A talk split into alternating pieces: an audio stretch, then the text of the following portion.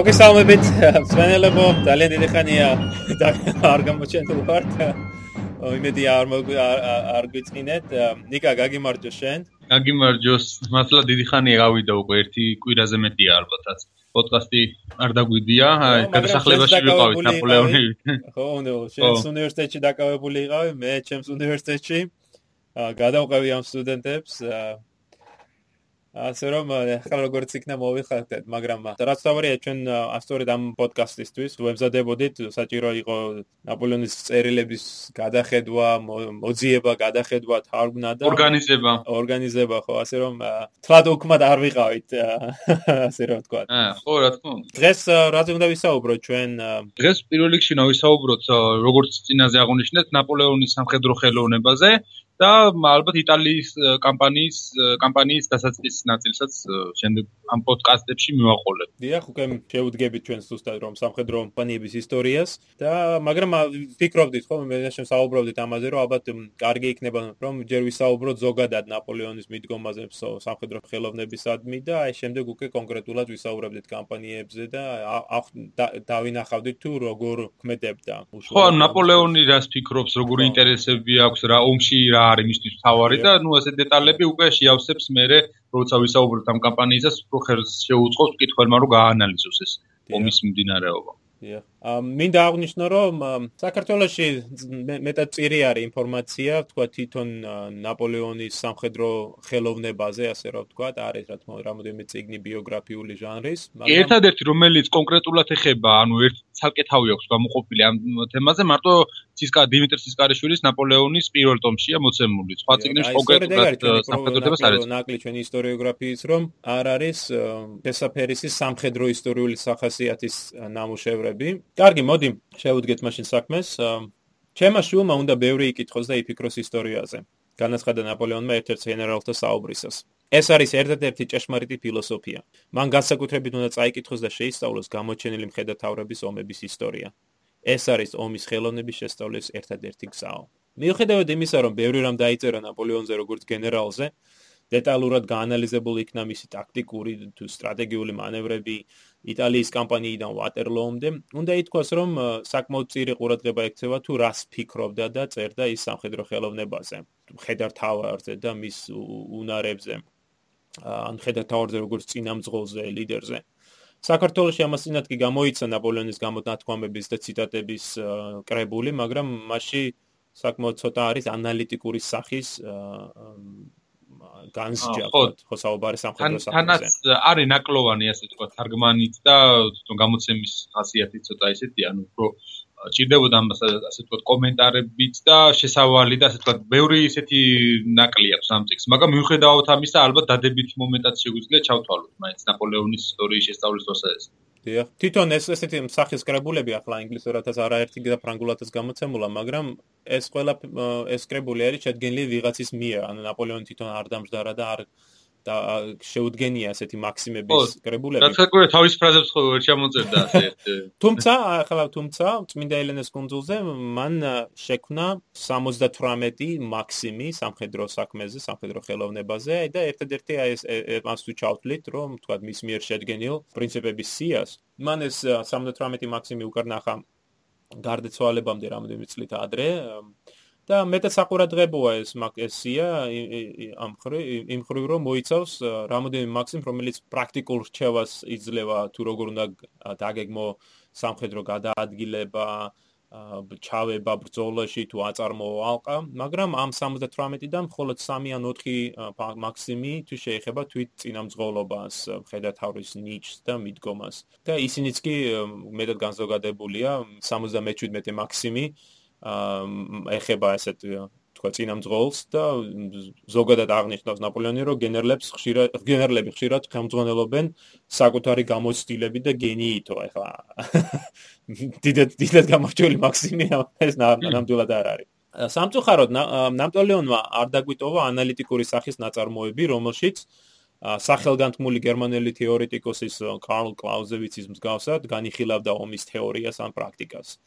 ამიტომ მეტად საყურადღებოა ჩვენს ხელთ არსებული წერილები და ზოგადი ხასიათის ჩანაწერები ომზე, რომელიც ნაპოლეონმა წლების განმავლობაში დაწერა. ამ ხრევ წერილობითი ან ეპისტოლარული ხო ჟანრის ნაწარმოებები მეტად უფრო მნიშვნელოვანია. ვიდაიდან ნაპოლეონმა თავისი კარიერის განმავლობაში ათეულობით ათასი წერილი დაწერა. ფაშორის ბოლო 10 წელია პატივი მქონდა მონაწილეობა მიიღო ნაპოლეონის კორესპონდენციის ახალი მრავალტომეული გამოცემის მომზადებაში. ფრანგებმა წამოიწყეს და მეც მონაწილეობა მივიღე და სადღეისოდ გამოაქვეყნეთ 10 ტომი ეს არის დაიწყება მისი ბავშვობიდან და 1812 წლამდე ავედით, რომელშიც გამოვეცით 35000 წერილი და ალბათ როცა დავასრულებ დაგვშა კიდე რამოდენმე ტომი, წერილთა რიცხვი ალბათ ადვილად გადააჭარბებს 50000, ანუ საკმაოდ დიდი მოცულობის კორესპონდენცია გვაქვს ჩვენ მისგან შემორჩენილი. პრინციპში ერთ-ერთი ყველაზე უმნიშვნელოვანესი წყარო ნაპოლეონის ეპოქის. დიახ, ნაპოლეონის წერილები კი გამოიცა 1860-იან წლებში ხო მისი ძმის შვილის ნაპოლეონ მესამეს ლუი ნაპოლეონის მიერ მაგრამ მაშინ მეტად შერჩევითი მიდგომა იყო ნაპოლეონმა მესამემ ხო ბრძანება მისცა ამ კომიტეტს რომელიც ამას ამზადებდა რომ ამოიღოთ ყოველი ის წერილი რომელიც აშუქებდა ნაპოლეონს უარყოფითად. ბევრი წერილი ან საერთოდ ამოღებული იქნა ან მესამედი ან ნახევარი გამოიცა და ესეთი არასასიამოვნო მომენტები ამოჭრილი იყო. ბუნებრივია ნაპოლეონი ამას არ აღნიშნავს, მაგრამ მისი შვილი სამხედრო ხელოვნების ბევრ დეტალს შეისწავლიდა თავსებით, ადვილად შეისწავლიდა თავის მამის კორესპონდენციიდან. აა, როდესაც ნაპოლეონი თავის შვილს ურჩევდა შეესწავლა გამოჩენილ მხედართავართა ომები, მისი მიზანი იყო აიხსნა არა მხოლოდ ომის პრინციპები, არამედ რაც თვითონაც არაერთხელ აღნიშნავს, რაც უფრო მნიშვნელოვანია, თუ როგორ უნდა განეხორციელებინა ისინი. ნაპოლეონის ნაწერებში არაერთხელ ხვდებით მის მოსაზრებას, რომ მხოლოდ ამ ისტორიული მაგალითების შესწავლით, ანუ აი გამოჩენილი მხედართავრების გადაწყვეტილებების მიღების პროცესის გაანალიზებით, იმ პირობების გაგებით, რომელშიც ეს ყოველი ხდება და და შემდეგ მათი წარმატების თუ წარუმატებლობის მიზების ანალიზით შეეძლო ოფიცერთა ახალ თაობას მიახლოებულიყო წარსულის დიდ მირებს. ამ წერილებში და სხვა ნაწერებში უამრავი მნიშვნელოვანი დეტალები არის, თუ რა შეხედულობის იყო ნაპოლეონის სამხედრო ხელოვნებაზე. ამ ხრევ აღნიშნახსანიშნავია, რომ ძმებთან, განსაკუთრებით ჟოზეფთან და ჯერომთან გაგზავნილ წერილებში, ასევე თავის გერთან, ეჟენ ბოჰარნესთან მიწერილ წერილებში, ნაპოლეონი აშკარად ცდილობს ასწავლოს მათ თუ რა არის სამხედრო ხელოვნება, რა პრინციპებზეა ის აგებული და როგორ უნდა წარმართოს ის. ეს წერილები ცხადყოფენ, რომ ნაპოლეონს სურდა თავისი ოჯახის წევრები წევრები ჩამოეყალებებინა სამხედრო და პოლიტიკურ ლიდერებად. თავის მართლებთან მიწერილ წერილებში ნაპოლეონ ხშირად ზოგადად მიუთითებდა ხოლმე ბრძანებებს და ფაქტობრივად ეუბნებოდა აი ეს უნდა გააკეთო, წადი და გააკეთე. და აი როგორ გააკეთებდა უკვე თვითონ ინდივიდუალურ გენერალზე ან მარშალზე იყო დამოკიდებული. ზოგიერთ გამორჩეულ შემთხვევაში ის რამე კონკრეტულ სამხედრო პრინციპს მოიშველიებდა, მაგრამ იმასაც კი კონკრეტულად არ ახსნიდა და უფრო აი საკუთარი ბრძანებისათვის რა კვეთრი ტონის მისაცემად აკეთებდა ამას. აი თავის ძმებთან და გერთან მიწერილ წერილებში კი სრულებით სხვა ტონი შეიმჩნევა. ის ბევრად უფრო დეტალურ წერილებს წერს, უნდა შეადარო თქვა, ეჟენ ბოჰარნესთან მიწერილი წერილი როგორც ეს 2, 3 გვერდი არის, ჟერომთან 4-5 გვერდიან წერილებს წერს და თქვა მიურათან, ლანთან, ან მასენასთან მიწერილი წერილები ნახევარ გვერდიანი იქნება რა, თუ გამორგამე შემთხვევა არ არის.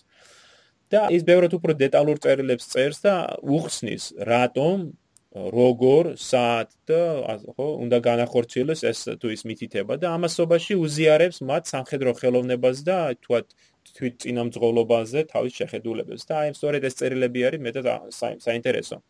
როგორც აღნიშნეთ, ნაპოლეონს არ დაუწერია ანალიტიკური ნაწარმოები, როგორც ეს თქვათ ანრი ჟომინი, მან კლაუზევიცმა გააკეთეს. მაგრამ ორთავე ამ ნაშრომში, განსაკუთრებით კლაუზევიცის ნაშრომში ომზე, ანუ ომის თაობაზე, სწორედ ომისადმი ნაპოლეონისეული მიდგომა იკვეთება. წერილებში ასევე შეინიშნება, რომ ნაპოლეონს არ სწამდა კონკრეტული პრინციპების არსებობის.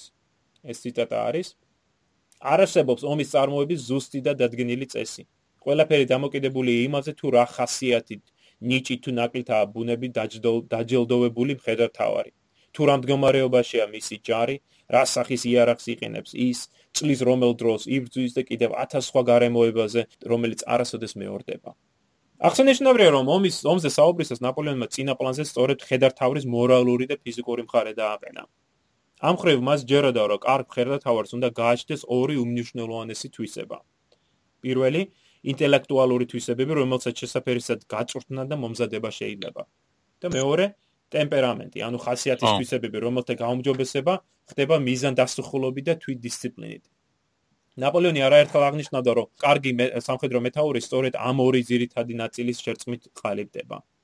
მაგრამ ის ასევე აღნიშნავდა, რომ ერთ პიროვნებაში ასეთი რამის თანხwebdriver, ანუ ორივე ხომ მხარის იდეალური თანხwebdriver მეტად იშვიათი რამ არის და როდესაც ჩვენ ხვდებით მას ის მართლაც რომ ეს ციტატა არის ზეცისგან მოვლენის საჩუქრად გვესახება.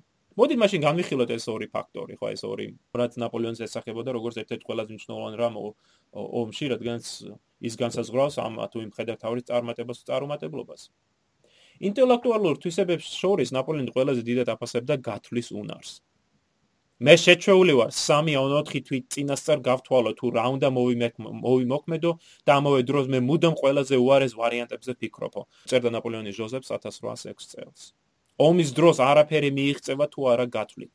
ვერც ერთი რამ რაც არ არის ზედმიწევდი და დეტალურად გათვლის შედეგს ვერ გამოიღებსო.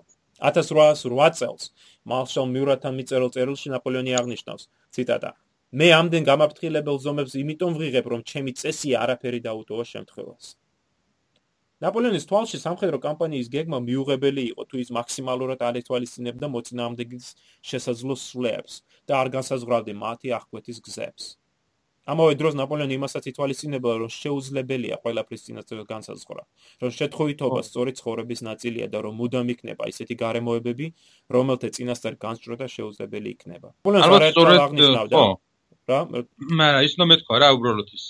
რო გეგმავდა მე დროთა განმავლობაში როგორ აა იცვლიდა რა რო საჭიროების მიხედვით, ანუ კონკრეტული რაღაცა ერთდადგენილი მას რო არ მიყვებოდა პრინციპი. დიახ, დიახ. თქვა შორის ამას მომობდი რომ ნაპოლეონი არაერთხელ აღნიშნავდა რომ ქაღალდზე ხო და რეალურ ომს შორის ძალიან დიდი განსხვავებაა და საუცხოოდ შემუშავებული გეგმა შესაძლებელია ომის დაწყებისთანავე ბათილად იქცეს. ანუ აი ეს ორი მომენტი არის ნაპოლეონისში მიდგომაში ომისადმი რომ ერთის ხრივ ომის დაწყებამდე მაქსიმალურად ცდილობს გაითვალისწინოს თუ რა შეიძლება მოხდეს ომის დროს. რა სვლა შეიძლება მოწინააღმდეგე მოწინააღმდეგე მოიმოქმედოს, მაგრამ ამავე დროს არ არის აბსოლუტურად დამოკიდებული ამ გეგმაზე და შეუულია იმპროვიზაცია შეცვალოს ეს გეგმა ომის დაწყების შემდეგ. თანაც აი ისიც შეიძლება ეთქოს, რომ ნაპოლეონი ყოველთვის ყველაზე აი ოპტიმალურ ვარიანტებს ეძებდა მოწინააღმდეგეს რა შეეძლო დაეპირისპირებინა მისთვის ანუ ყველაზე ჭკვიანური გეგმები სადგენდა ამ თვალსაჩინო და ხშირად მოწინააღმდეგე საერთოდ ვერ მივიდიოდა იმაზრამდე რასაც ნაპოლეონი იფიქრებდა რომ ის გააკეთებდა. ყოველ შემთხვევაში ყოველთვის ყველა ვარიანტი ქონდა მომზადებული რომ თქვა და ეს რო გააკეთებინა მოწინააღმდეგეს რითი უპასუხებდა შემდეგ თვითონ. იმადგან განსხვავებით რომლებიც უბრალოდ გეგმავდნენ თავიანთ გეგმას ადგენდნენ და მოწინააღმდეგე რას უპასუხებდა ამაზე ნაკლებად ზრუნავდა სწორედ აი ეს ნაპოლეონის ესეთი მიდგომა ომისადმი ასახულია კალაუზევიცის ამ დიდებულ ნაშრომში ომზე. სხვა შორის ამ საკითხზე დაინტერესებულებს შეუძლია გაეცნონ გიორგი ანთაძის მიერ ქართულ ენაზე დაწერილ არაერთ ძალიან საინტერესო სტატიას, მას აქვს ცალკე სტატიები კლაუზევიცის ნაშრომზეც და ძალიან ძალიან საინტერესო ნამუშევრებია. კარგი ხერნათავარი რომ იყო აღნიშნულ ნაპოლეონმა ერთ-ერთ საუბარში, შენდა ასევე უნდა კარგად ერკვეოდე მათემატიკაში. მათემატიკური გონება მეტად გამოსადეგია იმ ვითარებაში, როდესაც საჭირო 1000 გარემოების გათვლა და სწორი გადაწყვეტილების გამოტენა. შეიძლება ჩემს წარმატებებს სწორედ ჩემს მათემატიკურ გონებას უნდა ვუმადლოდეო. სხვა ინტელექტუალურ თვისებებზე თუ ვისაუბრებ, უნდა აღვნიშნო, რომ ბევრი სხვა პიროვნებისგან განსხვავებით ნაპოლეონი გამორჩეოდა გასაოცარი მეხსიერებით. და უნარით არამხოლოდ დაიმახსოვროს უამრავი პატარა დეტალიც კი, არამედ სავსებით გაითავისოს მათი კონტექსტი და მნიშვნელობა. ამ ხრივ არაერთხელ არის ნახსენები თანამედროვეთა ნაწერებში, რომ ნაპოლეონს ჰქონდა ფოტოგრაფიული მეხსიერება, რომ შეიძლება შეეხედა ვიღაცისთვის ან საბუთისთვის ან წაიკითხე წიგნი და ერთი წაკითხვიდან ერთ შეხედვი დაიმახსოვრებინა პატარა დეტალებიც კი. არა თვითონ ბუნებით იყო დაჯილდოვებული ეს რაღაც გამორჩეული მეხსიერებით. შემდგომში გენერალ გორგოთან საუბარში ის აღნიშნა: "ჩემი მეხსიერება მეტად უცნაური რამ არის. ახალგაზრდობაში მე ადვილად ვიმახსოვრებდი 30 და 40 რიცხვიან ლოგარითმებს და თავში გამოთვლებს ვაწარმოებდი. მე ზეპირად ვიცოდი არა მხოლოდ საფრანგეთის ჯარში მყოფი ყველა პოლკის ყველა ოფიცრის სახელი, არამედ სად იყვნენ ეს ქვედანაყოფები დაკომპლექტებული და სად და როდის გამოიჩინეს მათ თავი. გენერლებთან და ძმებთან მიწერილ წერილებში ნაპოლეონი მუდამ აფრთხილებს მათ, რომ საჭირო არის დეტალებისადმი მკაცრი ყურადღების მიქცევა. 1806 წელს მაგალითად ის წერს ჩემს ჯარებში არსებული კარგი მდგომარეობა შემთხვევითობა კი არ არის, არამედ იმის შედეგია, რომ ყოველ დღე მე ვუთმობ რამოდენიმე საათს მათი მდგომარეობის სამსახურის საბუთების დეტალურად შესწავლას. ყოველ თვე მე ვღებულობ მოხსენებებს ჯარში და საზღვაო ძალებში არსებული მდგომარეობის შესახებ და ეს მოხსენებები 20 დიდი მოცულობის ტომს შეავსებენ. მაგრამ მათი მიღებისთანავე მე ვტოვებ ყველა საქმეს და დეტალურად ვეცნობი მათ, რათა დავინახო რა განსხვავებაა თვითონ თვემდე. ამ მოხსენებების გაცნობისას ისეთივე სიამოვნებას ღებულობ, როგორც ახალგაზრდა ქალბატონი რომანტიკული რომანის კითხვის ასო. სამხედრო საქმეების გაძღოლა გენერლის საქმედან მხოლოდ ერთი მსხარეა, აღნიშნავდა ნაპოლეონი. მეორე მხარეს შეადგენდა ორგანიზაციული და ადმინისტრაციული დეტალების, მომარაგების საკითხების, სამხედრო დაზვერვის, რომ არაფერი თქვა პოლიტიკურ საკითხებზე, რომელიც ნაპოლეონის კისერზე დააწყვეტა 1799 წლის შემდეგ ზედმიწევნი ცოდნა. იგი განუწყვეტლივ თვალს ადევნებდა მის ჯარის ყველა ნაწილსაც კი სხვა შორის მოსკოვზე აი 1812 წლის ტრილოგიას რო წერდი მოსკოვის მოსკოვის დაკავებაზე ერთ ერთ მეორე ტომი განიხილავს ამ ამბებს და იქ მოსკოვში ზის წარმოიდგინე ხო 16 დღე გაატარა მოსკოვში და ერთ მის მიმოწერავს ვეცნობოდი და აი გასაოცარია ისეთ ისეთ რაღაცეებს აქცევს ყურადღებას და ყველაზე მეტად რა დამახსოვრდა არის რომ ეს სექტემბრის ბოლოს არის და წერს მეტად კრიტიკულ წერილს ერთ-ერთ ერთ-ერთ გენერალს გერმანიაში და ეუბნება როგორ გაბედე ეს ერთი ბატალიონი გაწია ერთი პატარა ქალაქიდან მეორეში და როგორ გაბედე ამის გაკეთებაო რა ანუ ერო წარმოვიდგინე ახლა ეს ტიპი ზის კრემლში ოჰო თელი საზრუნავი აქვს. რუსეთში რა როგორ აწარმოოს ომი თელი იმპერია შეინარჩუნოს და მაინც აქვს შესაძლებლობა და სურვილი და უნარი რომ რეაქციოს ყურადღება ერთ პატარა ბატალიონის გადაადგილებას არა? ხო საერთოდ პრიმანებს მისდევს ნაპოლეონი ყოველთვის რა საჭიროც იყო პრინციპში ალბათ მისი წარმატების ერთ-ერთი ისა ეგ არის რა ყველაფერს აქცევდა ყურადღებას და იმასაც ამბობს თან ძალიან ის იყო ანუ ერთპიროვნული ყველაფერში უყარდა აი მარტო გადაწყვეტილების მიღება შეველებს მაინც და მაინც დიდ პატივს არცემდა ნაპოლეონი თვითონ პიროვნებას გააჩნია. ზოგიერთ უსმენდა ზოგიერთ მაგრამ მეტად შემთხვევაში მართალი ხარ და ამ ხრევ ახლა არ მინდა რომ ხსმელს არჩევს ყურადღება რომ აი ეს რომ ეს ყველაფერში კარგი რამ კარგია ხო? ეს მიკრომენეჯმენტი ხო უბრალოდ აი მაშინ წერს ხო ლასკაზის მეფს წერია რომ მას საკეთ რაც სათავეს ჩაუდექ სახელმწიფოს მე მხოლოდ ჩემ თავს ვეთად პირებოდიო და რაც ჩემთვის სავსებით მისაღები იყო. არის ახლა თვითონ მას მე დავიწყე რაც პური მიუგდეს ხებს რა საკურველია ხა ნუ ტალეირანთან ფუშესთან რო ქონდა საქმე განსაკუთრებით ხო უსმენდა ანუ ხო საქმეებში საეჭოა ხო მაგრამ ამაზე ხო აბუკებს ამიტომ გეუბნები მემორიაო საერთოდ მინდა ეთქობა იცი რა არის თან ამ წმინდა ელენეს კუნძულზე ყოფნის პერიოდში განერვიულებული ნაპოლეონი კიდე კარგად ლაპარაკობდა მაგრამ აი თქვა ერთი რამ შემილია მინდა რომ დავამატო რომ წმინდა ელენეს კუნძულზე ყოფნისას აი ეს ნაკარნახე მოგონებების კითხვისას მაინც მე რო მე რო ვკითხულობ მაინც ვოცდები თუ რაუდენ კარგად ფლობს მაინც ფაქტებს და დეტალებს. ახლა ჩვენ შეგვილია გადავამოწმოთ ისინი ხო? და უმეტეს შემთხვევაში დეტალები სწორი არის. ახლა ინტერპრეტაციას აძლევს სხვას ხო მაგრამ დეტალები სხვადასხვა დროს სხვადასხვა რამეზე სხვანაირად აწერს ხშირად მაგრამ ყოველ შემთხვევაში ხო აი წვრილმანებიც კი ახსოვს რა. ერთხელ ერთ-ერთმა ქალბატონმა სხვა წმინდა ელენეს გონძოლ ერთ-ერთმა ქალბატონმა იქ კითხვა თუ კითხვა რა თუ როგორ შეიძლება ამდენი პიროვნების, ქვედანაყოფის, სახელების, ადგილმდებარეობის, ხო, ჯარის ოდენობის გამახსოვრება და ასე შემდეგ და ნაპოლეონმა სხარტად მიუგო რომ ამას რა დამოვიწყებს ეს ხომ შეყვარებულის მიერ თავისი ყოფილი საყვარლების მოგონებებიაო. საინტერესო რომ ნაპოლეონს არ ჯეროდა რომ გენია, აი ეს ან უნიკალური უნარები საჭიროა კარგი გენერლის ჩამოსაყალებლად. ერთ წერილში 2805 წელს, სხვა შორის ჟერომთან მიწერილ წერილში ის წერს: ომის საწარმოებლად დიდი ტვინი არ არის საჭირო. თავარია პიროვნებას გააჩნდეს სიზუსტე, ძლიერი ხასიათი და უნარის სწრაფად გაერკვეს ვითარებაში და არსებითი დასკვნები გამოიტანოსო. როგორც ის შემდგომში ეტყვის ლასკას, გენერალისათვის ყველაზე სასურველი ატრიბუტი არის ფიქრის ზოგადი დონებიდან დონეზე ამაღლებულად აზროვნებაო. ომში წარმატება დამოკიდებულია წინდახედულობაზე, კარგ ხელმძღვანელობაზე და გამოცდილებაზე. წინდახედულობაზე საუბრისას ნაპოლეონი არ გულისხმობდა, რომ გენერალი უნდა იყოს ფრთხილი. პირიქით, მას ღრმად სწამდა, რომ კარგ გენერალს უნდა ნელი მოფიქრება და კვირცხის შესრულებაო. ნაპოლეონისათვის თავარი მორალური თვისება იყო გამბედაობა. და კლაუზევიცი აზიზიარებს კიდევაც ამასარს და აღნიშნავს რომ პიროვნება ვერ ჩამოყალიბდება გამოჩენილ ხედართავრად თუ მას არ გააჩნია გამბედაობა. წარსულის გამოჩენილ ხედართავრებზე საუბრისას ნაპოლეონი აღნიშნავდა რომ მათ ერთი საერთო რამ აქვთ გამბედაობა. მზადყოფნა გაეკეთებინათ ის რაც მათგან არავის არავინ მოელოდა. სწორედ ამიტომ ნაპოლეონის სიტყვებით ალექსანდრე მაკედონელის წარმატება იყო იმის შედეგი რომ მის მიერ წამოწყებული საქმეები ღრმად გათვლილი, თამამად შესრულებული და გონივრულად მართული იყო. ამავე დროს ჰანიბალი კიდევ უფრო გამბედაობით გამოირჩეოდა ნაპოლეონის აზრით, ხოლო კეისარი იყო, ეს ციტატა, დიდი გენიის და უზარმაზარი გამბედაობის პიროვნება. ასევე დიდი აზრის იყო ნაპოლეონის შვედეთის მეფეს გუსტავუს ადოლფუსზე, რომელიც მართალია რომელსაც მართალია მხოლოდ რამოდენიმე კამპანია ჩაატარა და ნაადრევად მოკვდა კიდე წლუცენთან 1622 წელს, მაგრამ მაინც გამოიჩინა შესანიშნავი გამბედაობა და მოძრაობათა სისტრაფე ნაპოლეონის სიტყვები. ნაპოლეონის განსაკუთრებით უყვარდა სახელგანთქმული ფრანგი მხედართავარი დიურენი, რომელზედაც ამბობდა, რომ ის ალბათ ერთადერთი გენერალია, რომლის გამბედაობა ასაკთან და გამოცდილებასთან ერთად გაიზარდა.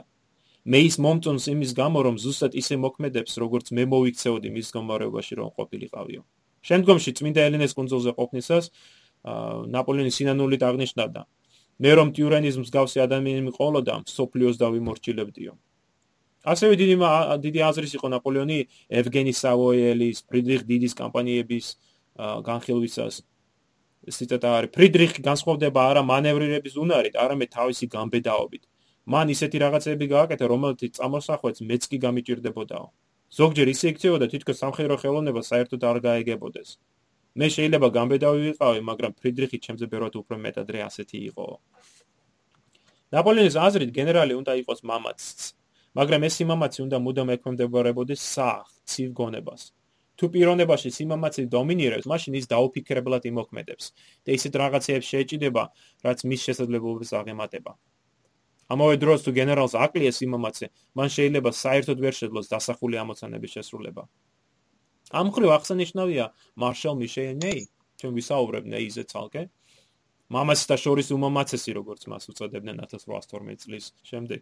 ნეიზე საუბრისას ნაპოლეონი ხშირად აღნიშნავდა რომ ეს ციტატა ნეი შესანიშნავი იყო, როდესაც 10000 კაცს მეთაურობდა, მაგრამ ამის შემდეგ ამის ზემოთ ნამდვილად ჩერჭეთი ხდებოდაო. ხო, ნუ სტრატეგიული თვალსაზრისით ნეი არ იყო ძლიერი მაინც და მაინც და გამოჩნდა ეს 1813 წელს განსაკუთრებით. დიახ. თავზე ხელაღებული სიმამაცით გამორჩეული ნეი ხშირად საბრძოლო ხაზზე გადიოდა, ხო? და ხშირად ავიწყდებოდა ბრძოლის ველი სხვა ნაწილში განლაგებული ქვედანაყოფები. სწორედ ამაზე ამბობს აი ნაპოლეონი, რომ აი სიმამაცე და ეს ცივი გონება უნდა იყოს ერთად ეს რა იდეალური შერწყმული. ასეთივე ხასიათის იყო მარშალ მიურატიც, რომელიც თავზე ხელახებულად მამაცი იყო ბრძოლაში, მაგრამ სხვა მხრივ, როგორც ამას ნაპოლეონი აღნიშნავს, ციტატა, არც შესაძერესი ხასიათი და არც ენერგია გააჩნდა. ნაპოლეონის აზრით, საჭირო იყო განვასხვავოთ სიმამაცე, რომელიც მოეთხოვება მხედარ თავარს და დივიზიის მეთაურს. ამავე დროს არც ერთ მათგანს არ მოეთხოვება იყოს ისეთივე მამაცი, როგორც გრენადერთა კაპიტანიო, ამბობდა ნაპოლეონი. და ამაში ისე ალბათ მარშალი მასენა და მასენა უფრო ესეთი ვარიანტია როგორიცაც ნაპოლეონი განიხილავს იმიტომ რომ როგორც პიროვნულადაც მამაცი კაცი იყო და თანაც ბრძოლის ველზეც აკონტროლებდა. ანუ ერთ-ერთი საუკეთესო როგორც მასენა და ასევე დაუზე შეიძლება ითქვას იგივე. კი თალიხა შენ მასენა და დაუ ალბათ საუკეთესოები იყვნენ სამწუხაროდ ლანმა არიწოცხლა საკმარისად. ალბათ ლანიც იქნებოდა ამ სიაში. გენერალის მორალურ თვისებებზე საუბრისას ნაპოლეონი ასე აღნიშნავს ხოლმე ასეთ ცნებას დილის 2 საათის გამბედაობა. ამაში ის გულისხმობდა იმ მომენტს, როდესაც შუა ღამეს თავის კარავში მყოფ გენერალს ცუდ რამე ცუდ ცნობას აცნობებენ, ხო, რა თქვა, ამ გვიტევენ ან დავმარცხდით. და ის იძულებულია მარტომ დაუყოვნებლივ მიიღო საბედისწერო გადაწყვეტილება და სწორედ აი ამ მომენტში ნაპოლეონის აზრით უნდა ეყოს ეს გამბედაობა, რომ მიიღოს არა მარტო სწრაფი გადაწყვეტილება, არამედ სწორი გადაწყვეტილება. და მისი აზრით, ნაპოლეონის აზრით, ესეთი გამბედაობა უფრო ინსტინქტურია, ვიდრე გააზრებულია, მაგრამ მას შეუძლია გადამწყვეტი როლი შეასრულოს ომში. სიმტკიცე, რასაც კლაუზევიცი უწოდებს შეუპოვრობას, კიდევ ერთი წინაპირობაა ნაპოლეონის აზრით, კარგი გენერალი გენერლობისათვის და ომში წარმატებისათვის. ის ციტატაა: გენერლის ერთ-ერთი ყველაზე არსებითი თვისება ხასიათის სიმტკიცე და მიზანდასახულობა მიაღწიოს შენს მიზანს ნებისმიერ ფასად. გენერლის უმთავრესი თვისება უნდა იყოს საღი, ცივი გონება, რომელსაც შეუძლია აღიქვას მისი ურგლო არსებული ვითარება ზედმეტი ვნებათა ღელვის და აფორიაკების გარეშე. მიუხედავად იმისა, მოვლენები დადებითად თუ არ ყოფითად ვითარდება. დღის განმავლობაში მომხდარი მოვლენები უნდა ცივად გაანალიზებულ იქნას და შემდეგ გენერლის გონებაში მხოლოდ იმდენი ადგილი დაიკონო, რამდენსაც ამას არსებული ვითარება მოითხოვსო. ნაპოლეონს წამდა, რომ ინტელექტუალური თუ მორალური ფაქტორების გამო სამხედრო პროფესიაში, ისე როგორც სხვა ნებისმიერ დარგში, თითოეულ პიროვნებას თავისი სპეციფიური სტილი აქვს. მარშალი მასენა მაგალითად ბრწყინვალე იყო ხანგრძლივი და გადამწყვეტი შეტევების დროს, მაგრამ თავდაცვითი ოპერაციებისათვის ჟურდანი იყო უკეთესი. გენერალი რეინიეს ბრწყინვალე გონება ჰქონდა, მაგრამ სამაგეროდ უკარება, ცივი და ბუნებითი ხასიათი იყო. ამიტომ ის ვერ შეძლებდა ჯარისკაცების სული სულისკვეთების გაღვივებას, შემართებას, სამაგისად საჭირო იყო ისეთი პიროვნება, როგორც იყო მარშალი ლანი. ნაპოლეონის სიტყვით, ჭკვიანი, გონივრული, დამოედროს გამბედავი და მამაცი. პიროვნება, რომელსაც თითქმის არანაირი განათლება არ ჰქონდა მიღებული, მაგრამ სამაგიეროდ გამორჩეოდა საოცარი ბუნებრივი ნიჭი და განსაცვიფრებელი თავდაჭირულობითო. სამაგიეროდ გენერალი ლუი ლუი დეზეს ისევე კარგად ესმოდა სამხედრო საქმე, როგორც ნაპოლეონს. ეს თვით ნაპოლეონის განცხადებით ყველა შორის. ვინ უძღვის როგორ წარიმართებოდა მათი ცხოვრება დეზერო არ მომკვდარიყო მარენგოსთან. ალბათ გენერალი კლებერიც საკმაოდ მაღალ შეფასებას აძლევდა ნაპოლეონი, რა? კლებერზე ერთი ორი მაქვს ნახე რომ დადებითად აფასებს, მაგრამ რა არის, იცი, მასი მათი ურთიერთობა ვერ ჩამოყალიბდა აი ეგვიპტის გამო. ხო, კლებერი და ნაპოლეონს და კლებერს შორის დიდი განხეთქილება მოხდა. დამოსვლისას ნაპოლეონი ფაქტურად გამოიპარა, ხომ არც კი უთხრა კლებერს და კლებერი არის მეტად კრიტიკული იყო. და წაიკი რომ ნახო მის წერილები მიხვდები რამდენად ხო, პრინციპში გამოუვალ ვითარებაში დატო. ხო, დატო. ხო. ასე რომ კი იყო, კი აფასებდა კარგად, მაგრამ თლად ახლა ლანზე რო წერს და ლუი დეზე რო წერს გამორჩეულად ისე ნამდვილად არა. ხო, ისე ეს პირადი ელემენტები მეტად მნიშვნელოვანია ნაპოლეონის სამხედრო საქმესადმი მიდგომის გასაგებად. ნაპოლეონის აზრით გენერლები არ იყვნენ ურთიერთშემსვლელი ნაწილები, ანუ არ შეიძლება და უბრალოდ ნებისმიერი გენერალი აგეღოდა და გაგეგზავნა ან მიგენდო ნებისმიერი მისია, ხო? ზოგიერთ შეიძლება განსაკუთრებით კარგად შეეფერებოდეს ერთვითარებას, მაგრამ არა სხვას და მათი სწორი გამოყენება, სწორედ აი ეს ხედართავრის ნიჭი უნდა გამოიყენოს, ხედართავრის ნიჭი უნდა იყოს, აი სწორედ გამოიყენოს პიროვნება კონკრეტულ ვითარებაში. ნაპოლეონის სამხედრო ხელოვნებაზე საუბრისას ერთ მეტად რთულ გარემოებას ვაწყდებით. მას არასოდეს დაუწერია ომის წარმოების ეს კონკრეტული სისტემა, არ ჩამოუყალიბებია მას. ამის ძირითადი მიზეზი ის იყო, რომ ნაპოლეონის გენია უფრო პრაქტიკული ხასიათის იყო და არა თეორიული. ამიტომ თავიდანვე უნდა ვთქვა, რომ ომის თეორიას რაც შეეხება, ნაპოლეონს ახალი არაფერი შეუქმნია. ალბათ პერუისათვის შეიძლება ეს სულ გასაკვირი იყოს, ხო, ჩვენ საუბრობთ ნაპოლეონზე როგორც სამხედრო გენიაზე, მაგრამ ამ დროს ახალი მას ნამდვილად არაფერი შეუქმნია. პირიქით, მისი სამხედრო კამპანიები ეფუძნება ძველი წესრიგი, ძველი წესხობილების, ხო, ბურბონელთა მონარქიის და რევოლუციის დროს შექმნილ სტრატეგიულ და ტაქტიკურ ინოვაციებს. ნაპოლეონის გენია მდგომარეობს არა იმაში, რომ რაიმე ახალი იდეა თუ მიდგომა აღმოაჩინა მან, არამედ არსებული მიმოფანტული იდეების სინთეზისში და სრულყოფაში. ამაში ადვილად დარწმუნება ნებისმიერი, ვინც გაეცნობა ფრანგი თეორეტიკოსების პიერ ჟოზე ბურსეს, ჟაკ ანტუან იპოლიტ გიბერის ნაშრომებს თუ სხვებს. 7 წლიანი ომში დამარცხების შემდეგ 1763 წელს დასრულდა ეს ომი. ფრანგულმა ჯარმა განიცადა რეფორმების პერიოდი, რომლის დროსაც ფრანგებმა მეტად საინტერესო ცვლილებები წამოიწყეს. ჯარის ახალი წესით წრთნა იქნება ეს, რაც საბოლოოდ აისახა 1791 წლის რეგლამენტში, რომელიც შესაძლოა ნაპოლეონის ომების განმავლობაში გამოიყენებოდა, артиლერიის რეორგანიზებაში, რასაც სათავეში იდგა სახელგანთმული რეფორმატორი ჟან-ვაკე დე გრიბავო, რომლის სისტემასაც ნაპოლეონი იყენებდა, თუ ტაქტიკურ და ოპერაციულ დონეზე ახალი ინოვაციებით, რომელიც სადაც სწორედ გიბერი და ბურსე გამოირჩევა. სკოლაში სწავლისას ნაპოლეონი გაეცნო ყოველივე ამას. ვიცით რომ მან თითქმის ზეპირად იცოდა ბურსეს თემში ომის წარმოების პრინციპებს, რომელიც 1771 წელს გამოიცა. ვიცით რომ გიბერის ცნობილი ესე ჟენერალ დე ტაქტიკ, რომელიც პირველად 1772 წელს გამოვიდა, მას სრულად ანოტირებული ჰქონდა. 7 წლის შემდეგ რევოლუციის წინ გიბერმა გამოსცა კიდევ უფრო მნიშვნელოვანი ნაშრომი თანამედროვე ომის წარმოების სისტემა. სწორედ გიბერისგან შეითავისა ნაპოლეონმა მობილური ომის წარმოების აუცილებლობა სურსათის ტრანსპორტირების ჩამოცილების საჭიროება, აქცენტი მანევრირებაზე. სწორედ ბურსასთან ამოიკითხა მან ჯარის გადაადგილება ცალკეულ კოლონებას სხვადასხვა გზებზე, რათა სწრაფი მარშრუტებით შეეძლო ძალთა კონცენტრირება მოეხდინებინა მისთვის ასურო წერტილში. სწორედ ამ ციგნების შესწავლისას ნაპოლეონმა ნელ-ნელა შეიმუშავა სინთეზისი, რომელიც სამ განუყოფელ ელემენტს მოიცავდა.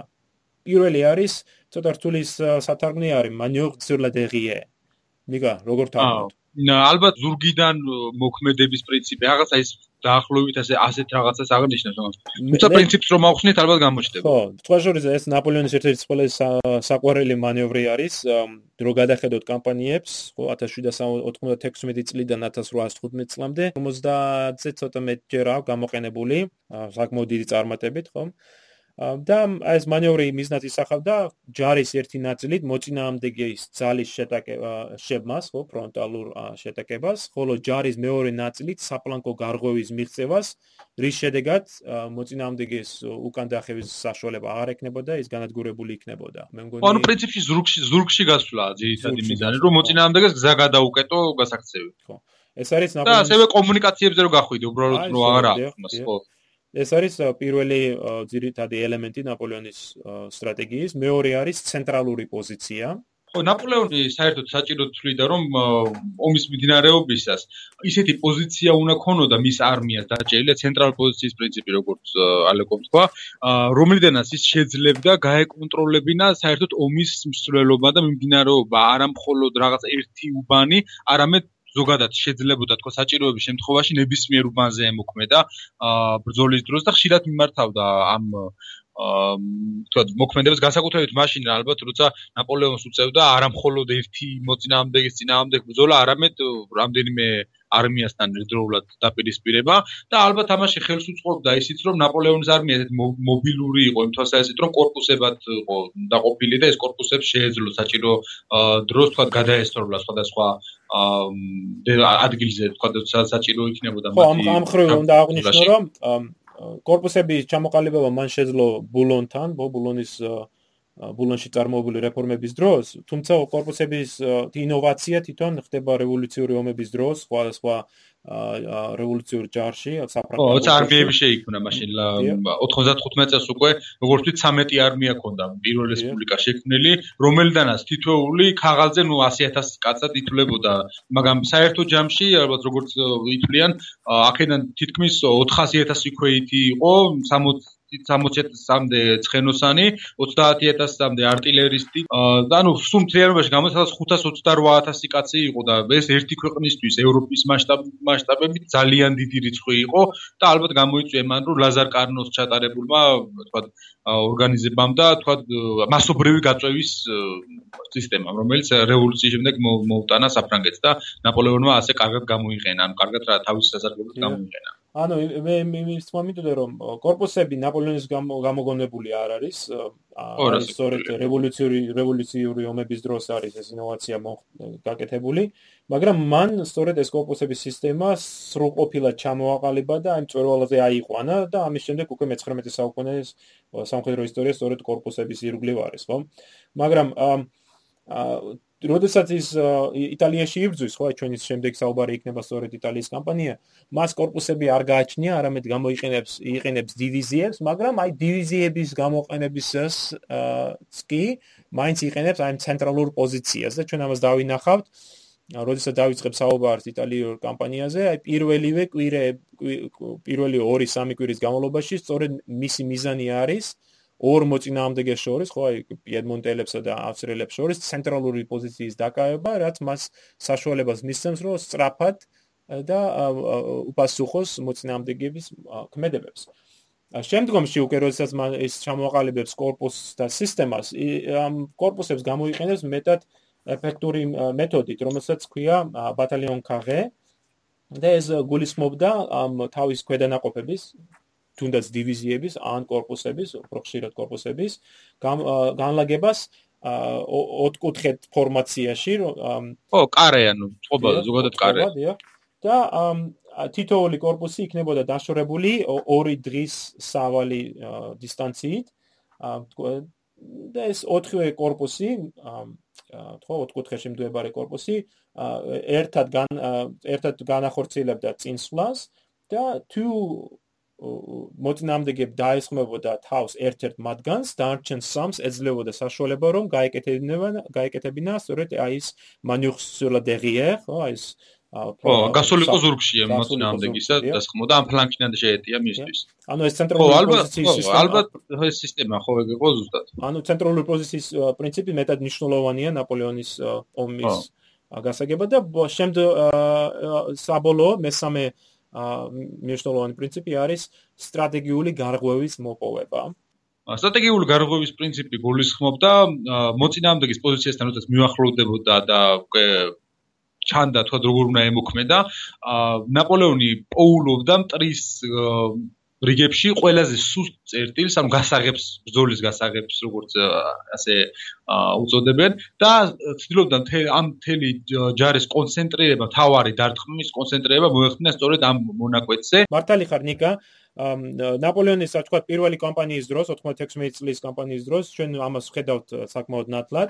სტრატეგიული გარღვევის პრინციპი გამოიყენებოდა ოპერაციულ დონეზე და ჩვენ ხედავთ მაგალითად იტალიური კამპანიის დასაწყისში რომ ნაპოლეონი ხო უპირისპირდება ორ მოწინააღმდეგეს პიემონტელებს და ავსტრიელებს და მან იცის რომ მათი თავდაცვითი პოზიციები ხო ეს ხაზი გადის სწორედ ასე დაბა ჩევაზე.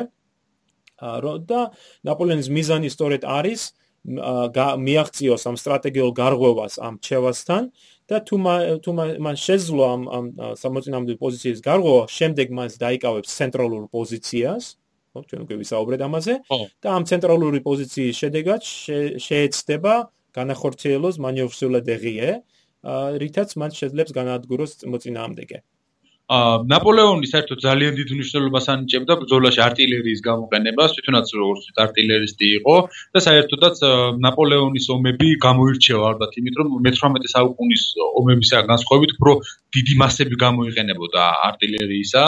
აა მაგრამ ამას ყველაფერს საფუძველი ჰქონდა უკვე საფრანგეთში არ იყო ნაპოლეონის ინოვაცია, რომ ეს ზარბაზნები ახალი ტიპის ზარბაზნები თქვა მათი გამოყენება ნაპოლეონს არ დაუწყებდა. ზოგადად ეს არის გრიბოოს რეფორმა მანქანებიდან იწყება, როდესაც ჩამოაყალიბეთ, ჩამოყალიბდა ამ დროს ნამდვილად ფრანგული არტილერიას მიეცა სტანდარტული სახე. სამი ძირითადი კატეგორია იყო ზარბაზნებისა, 12 ფუნტიანი, 8 და 4 ფუნტიანი ზარბაზნები, ასევე 6 ფუნტიანი ჰოვიცერი, ანუ გაუბიცებით э, გამოიყენებოდა და მორტირები და რაც თავარია ამ გრიბოოს რეფორმების დროს э, ზარბაზნების დიზაინი შეიცვალა და ასევე უფრო მობილური გახდა артиლერია. ну ახალი ტიპის 8 პუნქტიანი ზარბაზნის ლაფეტები შეიქმნა, რომელიც მთლიანობაში იწონიდა 1600 კილოგრამს, როდესაც მანამდე იყო 3200 კილოგრამი და წარმოიდგინეთ, რამსი მძიმე იყო და რა ძნელი იქნებოდა მისი თრევა. ბრძოლისთვის განახევდა მისი წონა და ამ გაადვილა артиლერიის გადაადგილება და გადასროლა პოზიციებზე. აა ნუ ზარბაზნები შეიცვალა იმით რომ და უფრო დამოკლდა ზარბაზნის სულა და ასევე წონაც უფრო შემცირდა მისი უფრო მაღალი ხარისხის ზარბაზნები ჩამოისხა, რომელთაც გადატანაც უფრო ადვილი ადვილი იყო და უფრო კარგადაც მის გამოყენებაც უფრო ადვილი იყო და უკეთესი ვიდრე თქვა წინა ზარბაზნებისა ამ გრიბომ შექმნა ეს 8 ზარბაზნისაგან შემდგარი სტანდარტული ბატარეები ზარბაზნებისა რომელიც მაგრებული იყო სხვადასხვა შენაერთებზე და გამოიყენებდა ეს შენაერთი მაგრამ ნაპოლეონი თავარია აღმოჩნდა რომ მასებს იყენებდა ზარბაზნებისა, მას მოსწონდა მასირებული ცეცხლის გახსნა კონკრეტულ პოზიციაზე მტრისა და ამ პოზიციაზე იწმინად განადგურება და სხვადასხვა ძალიან საინტერესოა რომ სწრაფად ახერხებდნენ ნაპოლეონის ჯარდაცები ამ артиლერიის გადაადგილებას ბრძოლის დროს და ხშირად მოწინააღმდეგეზე შთაბეჭდილებასაც ახდენდნენ ამით რომ თუ რა სწრაფად ახდენ ახდენდა საფრანგეთის არმია თქვა ბატარიის ადგილის შეცვლას და უძებ მეორე ადგილზე ესეთ მასირებული ცეცხლის გახსნას ეს რამდენიმე ცნობილ ბრძოლაშიც კარგად გამოჩნდა. ამ ხრევ აღსანიშნავია რომ სწორედ ფრანგების ინოვაცია არის მობილური საარტილერიო საარტილერიო ბატარეების შექმნა, სხვა შორის ალექსეი ერმოლოვს, რომელიც ჩვენთვის ნაცნობი პირი არის, ხო, შემდგომში კავკასიის მთავარმართველი. ერმოლოვი ნაპოლეონის ომების რევოლუციის და ნაპოლეონის ომების დროს იყო ახალგაზრდა ოფიცერი და მის მემუარები ძალიან საინტერესო მინიშნება აქვს რომ ფრანგებთან აი შეხვედრი როცა შეხვდნენ მობილურ ბატარეებს ძალიან დიდი ძალიან დიდი ეფექტურობით გამოირჩეოდნენ როცა ფრანგებს შეეძლოთ ბრძოლის ველზე მისულიყვნენ დაიყენებინა ბატარეა გაიხსნა ცეცხლი და მე გადაადგერებულიყვნენ და სწორედ ამის შედეგად რუსეთშიც დაიწყო ჩამოყალიბება ამ მობილური ბატარეების და ერმოლოვიც სწორედ ერთ-ერთი პირველი არის იმათგან, ვინც ამაში მსახურობს. ანუ ამ ფრანგების ინოვაცია ნაპოლეონამდე დაიწყო, მაგრამ ნაპოლეონმა როგორც ჩვენ თქვი იმიგა სრულყოფამდე მიიყვანა ამ артиლერიის გამოყენება. წარმოიდგინეთ ვაგრამთან 100-ზე მეტი ზარბაზანი არის თავმოყრილი ამ რასაც უწოდებდნენ დიდ ბატარეაში, რომელიც კონკრეტულ ადგილს, ამ ბრძოლის ადგილს უშენს ცეცხლს. 100-ზე მეტი ზარბაზანი, წარმოვიდგენი რა ხდებოდა, ხო იქ. ასევე ბოროდინოს ბრძოლაში შეიძლება პრინციპში მაგას აღნიშნა დიახ, ბოროდინოში მასირებული ცეცხლი გამოიყენებოდა. აა, ასე რომ ნაპოლეონზე საუბრისას ალბათ უკეთესი იქნება ჩვენ ვისაუბროთ მასზე როგორც გამოჩნილ სინთეზატორზე, ხო, რომ აპირონებაზე, რომელმაც შეკრიბა სხვა სხვა იდეები, გაითავისა და შემდეგ შექმნა ისეთი თემა, რომელიც მართლაც სრულყოფილი იყო თავის თავის დროისათვის. 1800 წლიდან 1812-13 წლამდე ეს სისტემა დომინირებს ევროპაში და ნაპოლეონის დამარცხება გამოწვეული იყო გარკვეულწილად იმით, რომ დანარჩენმა ევროპამ გადაიღო მისი ეს ცვლილებები, რაც ფრანგებმა შემოიღეს და რაც ნაპოლეონმა ესეც წარმატებით განახორციელა. ხო, თუნდაც აი რუსეთ რუსებზე რომ როგორც ის მობილური артиლერიის ის რომ გამოყენება დაიწყეს. ავსტერლიცის შემდეგ, როდესაც რუსები დამარცხდნენ ასე სასტიკად, ჩვენ ხედავთ რუსულ სამხედრო რეფორმებს, რომლის შედეგად ჩამოყალიბდა პირველი პერმანენტული დივიზიები, корпуსები რუსულ ჯარში არაქჩეევმა დაიწყო ეს სწორედ საარტილერიო რეფორმა და ეს ყოველივე არის აი ფრანგულ მაგალითზე აგებული. იგივე ითმის ავსტრიაზეც. ავსტრიელიცის მერე დიდი სარეფორმო მოძრაობა არის რომელსაც სათავეში ერცგერცოგი კარლი უდგას. და სწორედ ამ რეფორმების შედეგად ხედავ ჩვენ აი უფრო შემართებულ უფრო ეფექტურ ავსტრიულ ჯარს 1809 წელს და შემდეგ ეს რეფორმები კიდევ გაგრძელდება თუმცა მე პრუსიაშიც დაიწყო უკვე. ო, პრუსიაში ხო საერთოდ აბა. შაჰოსტის და დაწყებული რეფორმებმა საერთოდ შეცვალა პრუსიის. იმედმა საერთოდ საფუძვლიანად შეცვალა ეს ჯარი, იმიტომ რომ 1800 წლის მერე საერთოდ ჯარი არ იყო. ო, ეს კატასტროფული მარცხის შემდეგ მართლაც იყო შეცვლელი. კლაუზევიცი მაშინვე ამჩნევდა ამ ტენდენციას და შემდეგ ალბათ მონაწილეობდა კიდევაც ამ აი ერთ-ერთი ჯარი რომელშიც ეს არ შეიმჩნევა არის ბრიტანული ჯარი მას ძალიან მეტად ეფექტური მიდგომა აქვს უკვე სისტემაც აქვს ჩამოყალიბებული და აი ფრანგებისგან გადმოღება ნაკლებად არის ბრიტანულ ჯარში მაგრამ აი კონტინენტზე თითქმის ყველა ევროპული ქვეყნის ჯარი გერმანული ქვეყნები იქნება ეს თუ იტალიური თუ აი ეს დიდი სახელმწიფოები როგორც რუსეთი თუ პრუსია თუ ავსტრია ყველამ განიცადა ცვლილება და რეფორმა რომელიც ფრანგების მიერ იყო გამოწვეული. კარგი, მაშინ მოდი აქ მორჩეთ ჩვენ საუბარ სამხედრო საქმეზე და შემდეგ პოდკასტს და პირობას ვაძლევს ფენელებს რომ ასე დისკანს არ მოუწევს ლოდინი. აა ჩავიწეროთ ამ დღეებში და ის შეეხება ნაპოლეონის პირველ კამპანიას იტალიაში. ო იტალიის კამპანიას რომელიც უკვე ამ ჩვენ დღეს ნასაუბრებ სამხედრო ნაპოლეონის სამხედრო ხელოვნებას უფრო ფართოდ დაგვანახვებს და უფრო ანუ წარმოგვადგენს თუ რა წარმოადგენდა რეალურად ნაპოლეონის სამხედრო ხელოვნება.